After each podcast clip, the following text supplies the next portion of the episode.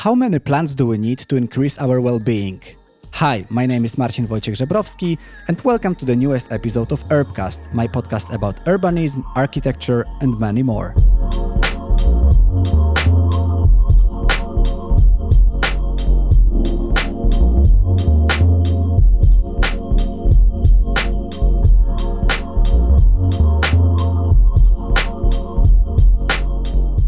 So, Time flies, and this is the 95th episode of my podcast, and we are coming very close to the 100 episodes of the podcast. And today I'm very happy to discuss extremely important topic, which is the influence of the plants and the greenery on our health, on our well-being, and how can we design our indoor space to influence that in a positive way we might know that exposure to nature is beneficial for us and we are gaining more and more knowledge about the positive impact of bringing greenery to indoor spaces, but how much greenery do we need to feel its impact on our health? My today's guest, Kelly, shares her findings from the Moss Lab 1.0, where she and her colleagues worked with Marlies Albertse of Wageningen University and research to study how different volumes of greenery impacts people's well-being in indoor spaces. The data they revealed is the very first of its kind and when scaled up can add significant value to people and the built environment in general. Kelly Diebel is the managing director of Makers of Sustainable Spaces, on a mission to deliver green and healthy buildings for our urban lives. She blends her architectural background, project management, and global perspective with a whole lot of passion for greenery to promote a clearer environment and a happier, healthier society. We are discussing about the importance of the plants, why should we talk about the cubic meters of the foliage, and what is the key in understanding the importance of plants, how many plants are needed to increase our well-being, and also can we have too many plants in our indoor environment. Welcome to the newest episode.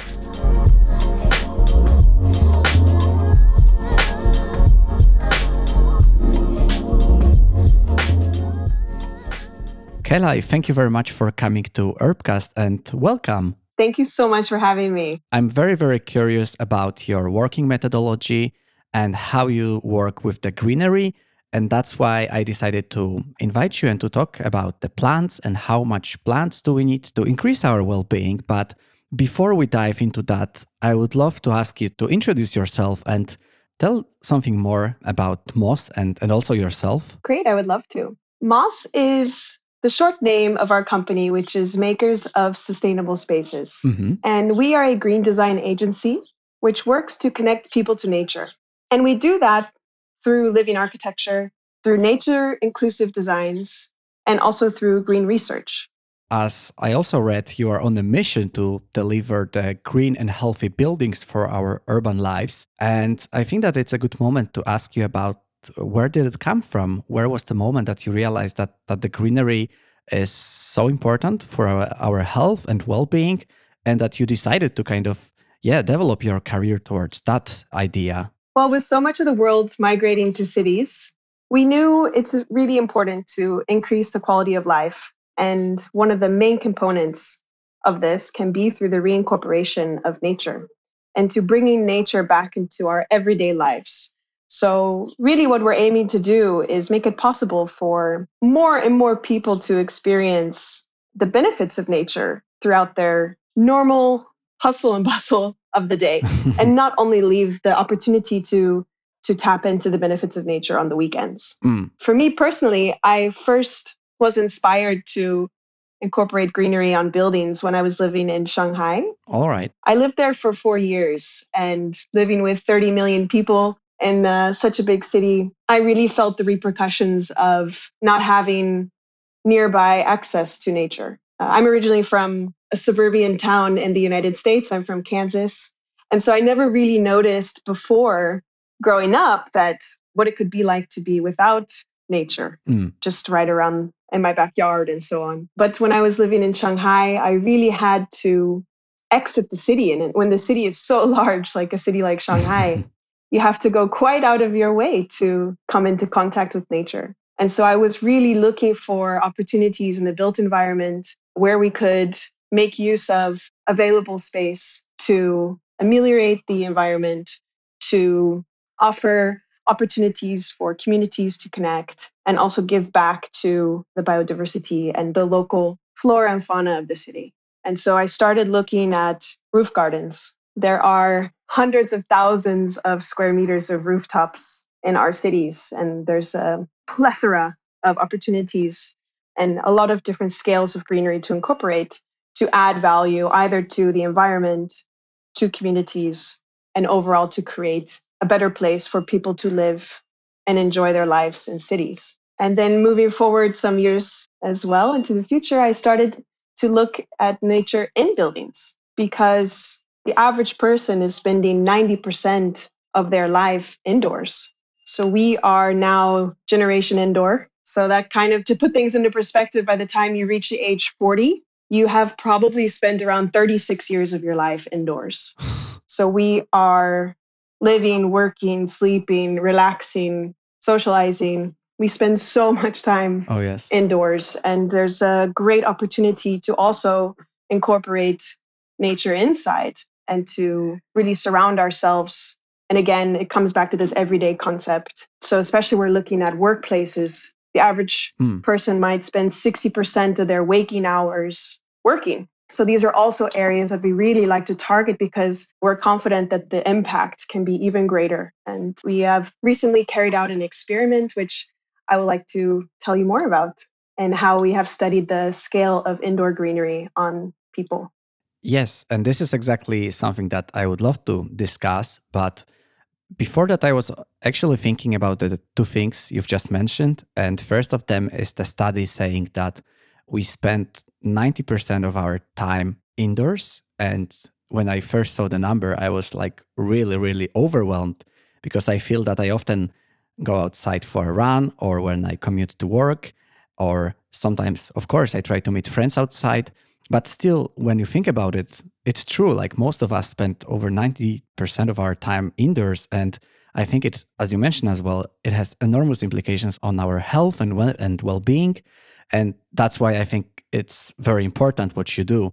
And that's why I wanted to talk to you. And the second thing is you've mentioned that while living in Shanghai, you had a problem with accessing the greenery because the distance to it was quite uh, significant. And when you said that, I was I started to wonder if if it's always like that because I guess that it can be in Shanghai, it can be in Singapore, it can be also in many other cities that we have the urban development which is taking its its place in the cost of the nature. But do you think it always has to be like that? Do you think that it is possible to reach some kind of symbiosis? I have actually seen it done, so I know it's possible.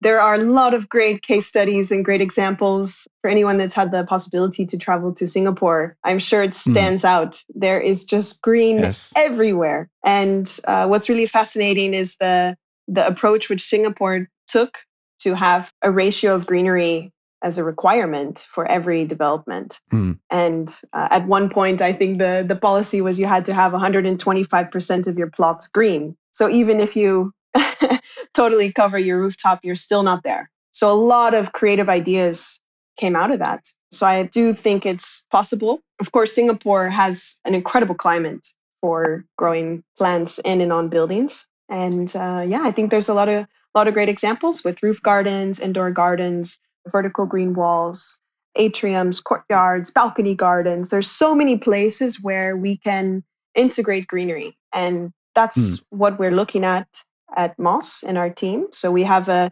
team of architects, interior architects, ecologists, plant specialists, and product designers. And so we look throughout the built environment for ways to hmm. creatively and technically integrate greenery into all these places which we see a possibility.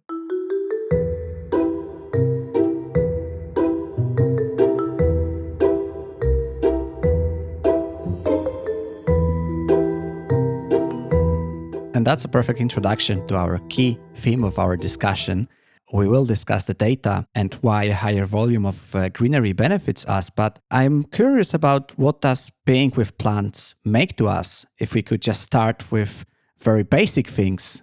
I think for everyone, uh, they have their own association with with nature, and for me, it's being around plants and and feeling connected to nature is really a, a sense of belonging mm. and it's about harmony and it's it's where i can feel joy and sort of observe the environment around me without having to think too much about it but just being able mm. to enjoy it and i think that that has a really great impact on how one person considers themselves in a space and I think that that is really the the power of nature. And you can ask anyone, and I'm sure they have a slightly different re- reply. But I think it's so special to be able to surround yourselves in something which is growing and it's dynamic and it's ever changing. Mm-hmm. Just so much beauty to see in nature when you start looking either far away at the scale and the structure of how this plant has has evolved or you look up close and you see the details and the textures and all the line work in a leaf can really be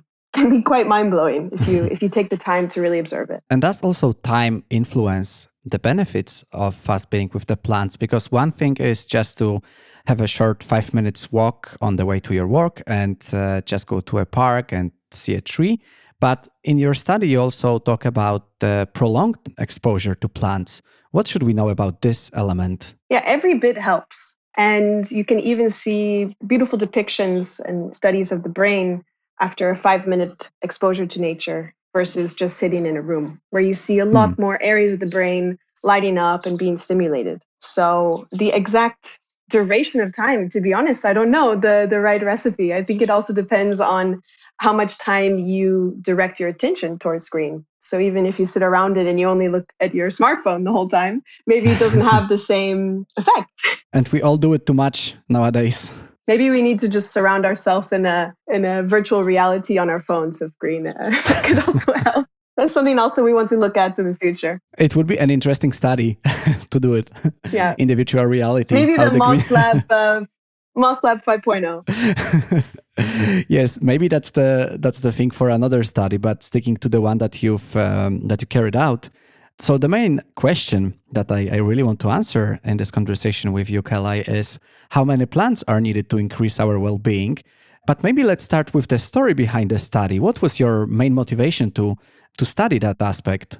Well, nowadays, a lot of people understand the importance of having nature around, especially after the lockdown. People understood mm. how valuable it was to be able to go outside and to be able to take some walks. And more people brought houseplants into their homes than ever before. The, mm. the houseplant sales just went sky high. And so I think that that part is now understood. So we've already come a, a good way to have that understanding. And the next part is really to understand the right recipe for design. So, unlike building materials, working with greenery is well, it's it's alive. These are living organisms. And so the recipe for designing with plants and buildings is not intuitive. At Moss, we believe that having a larger impact of green working with large gestures, really immersive designs will have a better impact and a better experience for people visiting the building. But until now, we've only been speculating. Mm-hmm. And we really wanted to carry out this research experiment with the University of Wageningen to understand more in terms of the data behind how certain green designs impact mm-hmm. visitors and impact occupants in buildings. And so, one of the things that we really wanted to understand was about the amount of greenery. If I have one plant on my desk, or if I have 100 plants in my office, which one is going to, to lead to more benefits in terms of productivity, in terms of reducing stress, and in terms of my overall satisfaction to be in that place and my engagement in that place? So we carried out this experiment with the University of Wageningen to test out three different scenarios and we were really happy with the results. And what was that breakthrough for our progressive understanding of the importance of plants in your study? Well, when measuring the impact which plants can have on people, it's really important to, mm-hmm. in our opinion, to work with the cubic metrics of the foliage. So in the past, uh-huh. the well building standard has really been the only entity which was also looking at a set amount of green. So they actually looked at the square meters but you can imagine when only looking at the square meters, I can have one plant which is small and low to the ground, or I can have one plant which touches the ceiling. And so that has a really big difference when you look at how what's the right amount and how can we create a consistent impact. So that's why we actually wanted to look at the cubic metrics. So you can see how between the square meters and the cubic meters, it really does can make a really big difference on the impact. Mm-hmm. So what we wanted to find out was the different effects of 0% of the total volume of a room green, 0.5 of the total green volume. And this 0.5 translates roughly to one square meter. So in the flat surface, it's kind of like mm. an hmm. average office. So you have perhaps an office room with a few desks and a few plants in the corner. That's what the 0.5% looks like in scale. And then we also tested the 8%, which on average is the amount of greenery that Moss incorporates into our projects. So would you say that the more the better? Because I'm wondering in terms of those scenarios that you use for your research, I'm just tempted to think why not to put more greenery? Why why couldn't we add 25% or 30%? Yeah, we would love to continue looking at more more scenarios. We wanted to just start with these three and see what happened. Mm-hmm. And the outcome of the findings concluded that the most favorable amount of green was directly related to the 8% scenario. Mm-hmm. And we were obviously very pleased to see that because this is how we also execute greenery into many of our own projects. Mm-hmm. And so the 8% scenario obviously had the highest volume of plants and it had really clear results on the participants' heart rate and also therefore their stress levels.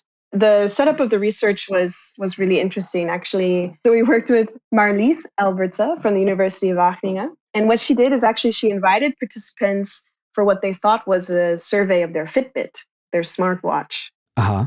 little did they know that each time that they visited the location over the next month they were invited three times and each time they were set in a different space of greenery they actually were under the understanding that they were going to carry out Sudoku puzzles and be observed on the heart rate and stress levels on their Fitbit. So I love how the researcher approached this and she set up the different uh, scenarios with the different percentages of greenery. And she found that adding more plants in the space improves people to be less stressed. And it also gives them the idea to be less stressed. So not only were they actually monitored on their Fitbits, but they were also surveyed after. And we find that really important that people also perceive that they were less stressed. They perceive that they were more productive or that they did better on the tests. But did they realize that it's because of the amount of plants, or were they just uh, surprised themselves that they are performing very well? So that's a really interesting question. And I checked with Marlies, our researcher,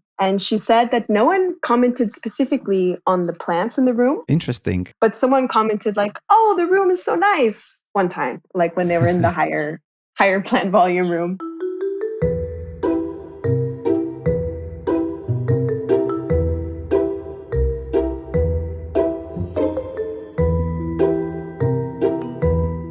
From the one side, the greenery is so important, but from the other side, we are not even aware how beneficial it is for us. So I'm wondering here if you are working with developers or maybe architecture offices, of course, besides this study that you've carried out, because I think it's a, it's a big help, but how could you convince to invest more money into the plants Because I assume that it's not such an easy thing to say to your client, just, you know, buy a lot of plants and the performance will increase. So, how could you tackle that? That's also a really good question. In the last five to 10 years, we really did have to convince people. And now, more than this experiment, there's a lot more data that shows that uh-huh. being surrounded in nature and having plants in your workplace and that it has a really positive impact on workplace satisfaction, mm-hmm. on engagement, on productivity, on focus, on stress. So there's all these things that are supporting having greenery in buildings. And so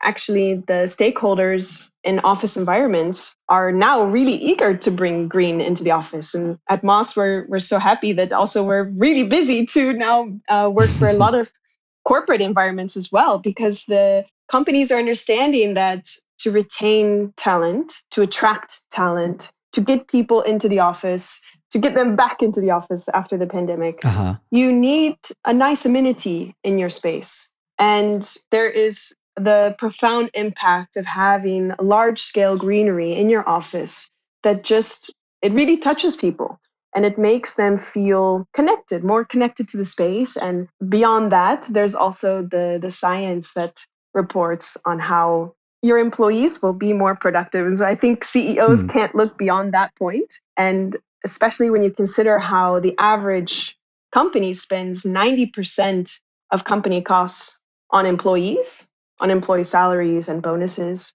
If you can improve the productivity of an employee, well, then you can already have the return on investment which was brought in for the plants to be integrated. And do you think that we are moving more towards this culture of of greenery in our offices? Because I remember that it was very famous many years ago to have all those different benefit systems for the for the employees, and you could have a gym pass or some additional coupons to some restaurant or whatever. Do you think that now people will be eager to accept the increased amount of greenery in their workplace as some kind of a benefit for them? Absolutely. And I also think that the plant market shows you that this is already going on. Plant cells have they are just so high right now. It's it's even the market is struggling to keep up.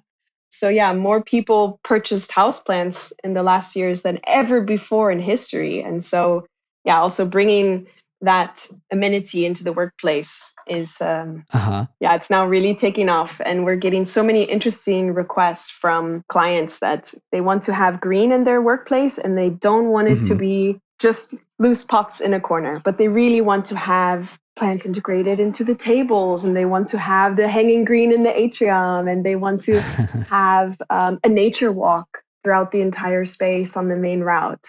So we are now really met with those you know grand visions for integrating green in spaces and i think that this is yeah going to be really a standard moving forward. And we see how the well building standard has also instated some baselines for how much green to have in offices. And i think that this is really the starting point and we are really wrapping our minds around the possibilities and seeing yeah i think over time that people will you know if you take green out of their space yeah. well it really it's almost like it's almost like someone turned off the lights.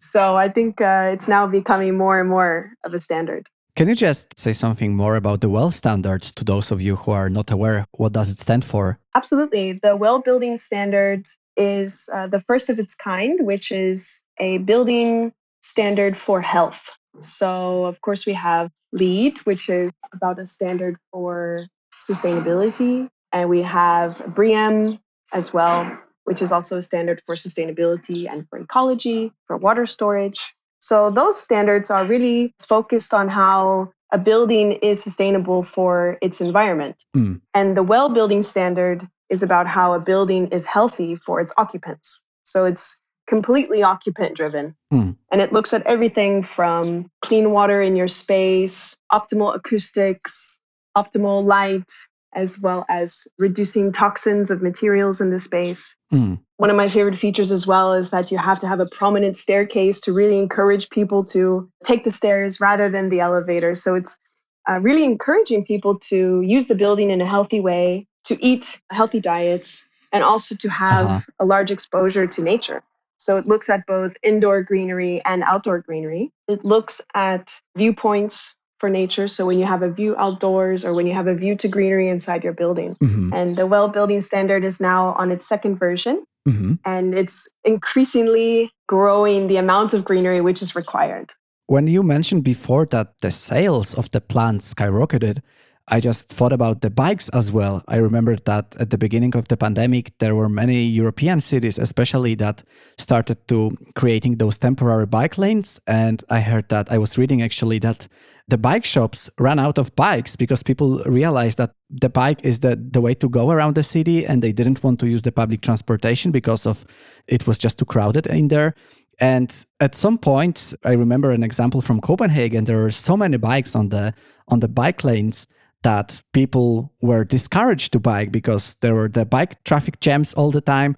And my thought for now, my question is if we relate it to plants, can we have too many plants in our indoor environment? Because referring to the study, I remember that I read that some people said that they wouldn't be able to focus if there were too many plants in the room. Yeah, exactly. And I think in some of the participant surveys after the experiment, we were asking people, so, okay, now that you know this was the difference in the room, what do you think about it? And, and indeed, one of the comments was, well, I think I would be distracted if there was too mm. much green. You know, some participants said, oh, I would be worried about the maintenance. Mm.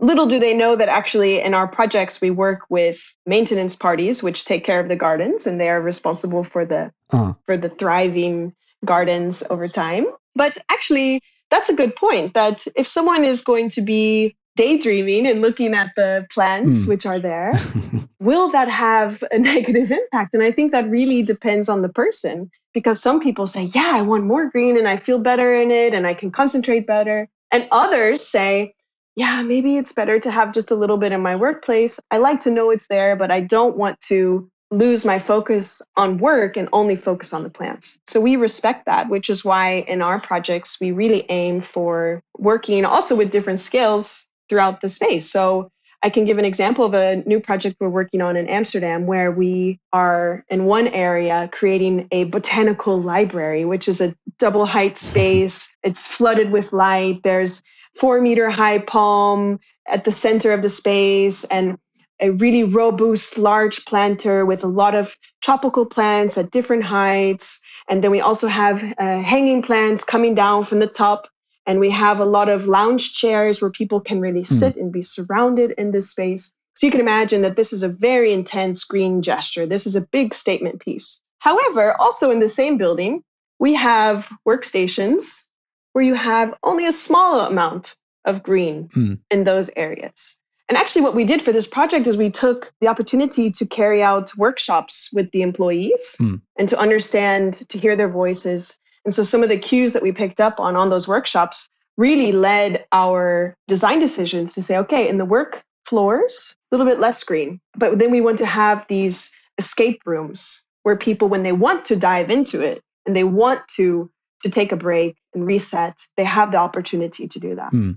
And so I think it's really important not to say, okay, we need to paint um, green throughout all of our buildings and have plants every which way. And you know, you shouldn't have to have a machete to get to your workstation, but you should have an opportunity to go to those places when you want to. And actually, this is uh, something which the well building standard works with a lot as well. So, especially for thermal comfort, not everybody feels comfortable at the same temperature in a room. So, the well building standard also has features about how you need to provide a certain amount of variety for people. And I think that that's really important to respect in, in designing for people.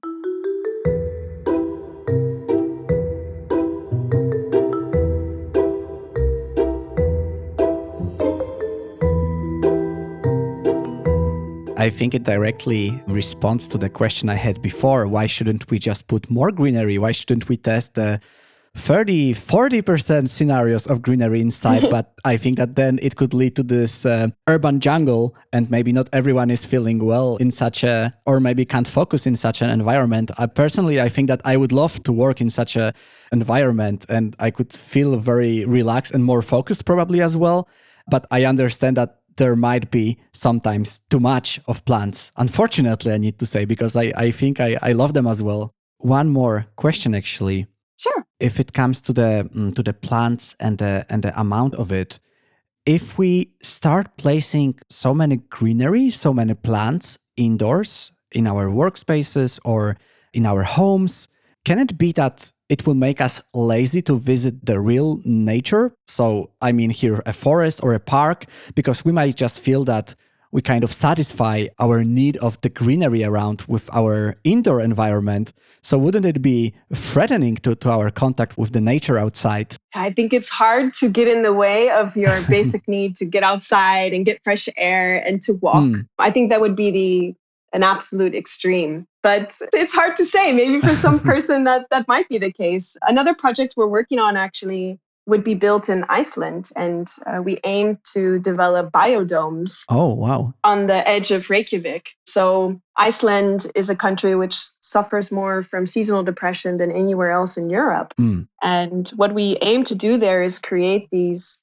365 day a year oases where people can escape the, the dark and coldness and they can go into these areas and also walk around so even at uh-huh. a large scale, perhaps it could work the other way to get people to also walk around in these green ecosystems, which are warm and humid and full of life and also inspiring and uplifting in another way where maybe it's not possible. That's actually the one of the last questions I wanted to ask because you've mentioned this project in Iceland and yeah, I think that's what you do in makers of the of sustainable spaces. It's it's just very research based. So I was wondering what is like the next project that you are really looking forward to? Is it some more research or is it a project of building something like like in Iceland? Well, at Moss, our mission is to connect people to nature. And we believe there's a lot of different ways of doing that. It can be through design projects, it can be through research and advocacy, or it could even be through an art project or perhaps a transportation project. And I don't want to give uh-huh. too much away because we're, we're going to be making a reveal in July. But we have some new ideas about engaging with people in nature in ways which they might not have expected.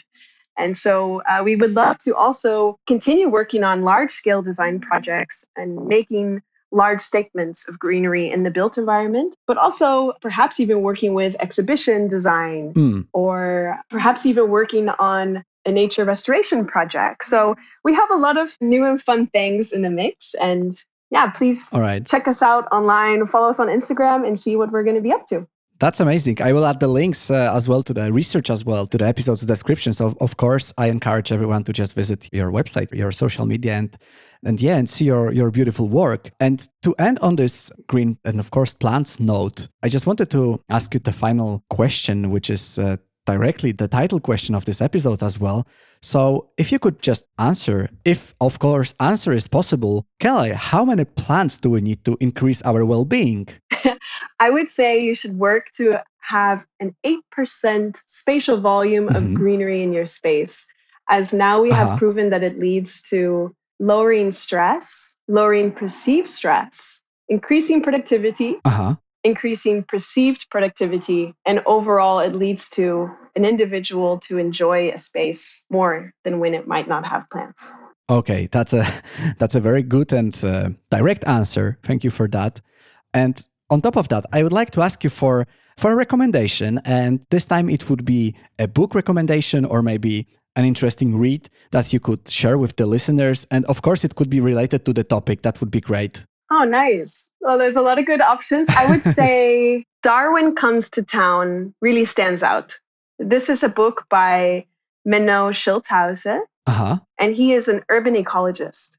And so his book is about how the urban jungle drives evolution. And I think when a lot of us are dealing with climate anxiety, this is a really uplifting book that actually talks about how evolution of cities, as it's happening so fastly, so quickly, actually, there's still a lot of hope that the ecological population can adapt to our city environments. And there's some really inspiring examples about how nature evolves with us as well, and us on the other side alongside nature as well. Thank you, Kalai, for this amazing recommendation. I, I will, of course, add it to the episode description as well because I think it's it's just very useful if anyone would like to dive in into the topic more besides, of course, getting to know your uh, research as well and your other projects. And with that, I would like to thank you very much for being a part of Urbcast. And thank you for coming to the show and sharing this knowledge behind the, the plants in our environment. Yes, Marcin, thank you so much for the time. I always uh, love an opportunity to talk about how we are bringing nature into cities. And it's been a, a real pleasure to be a part of Urbcast. Thank you so much.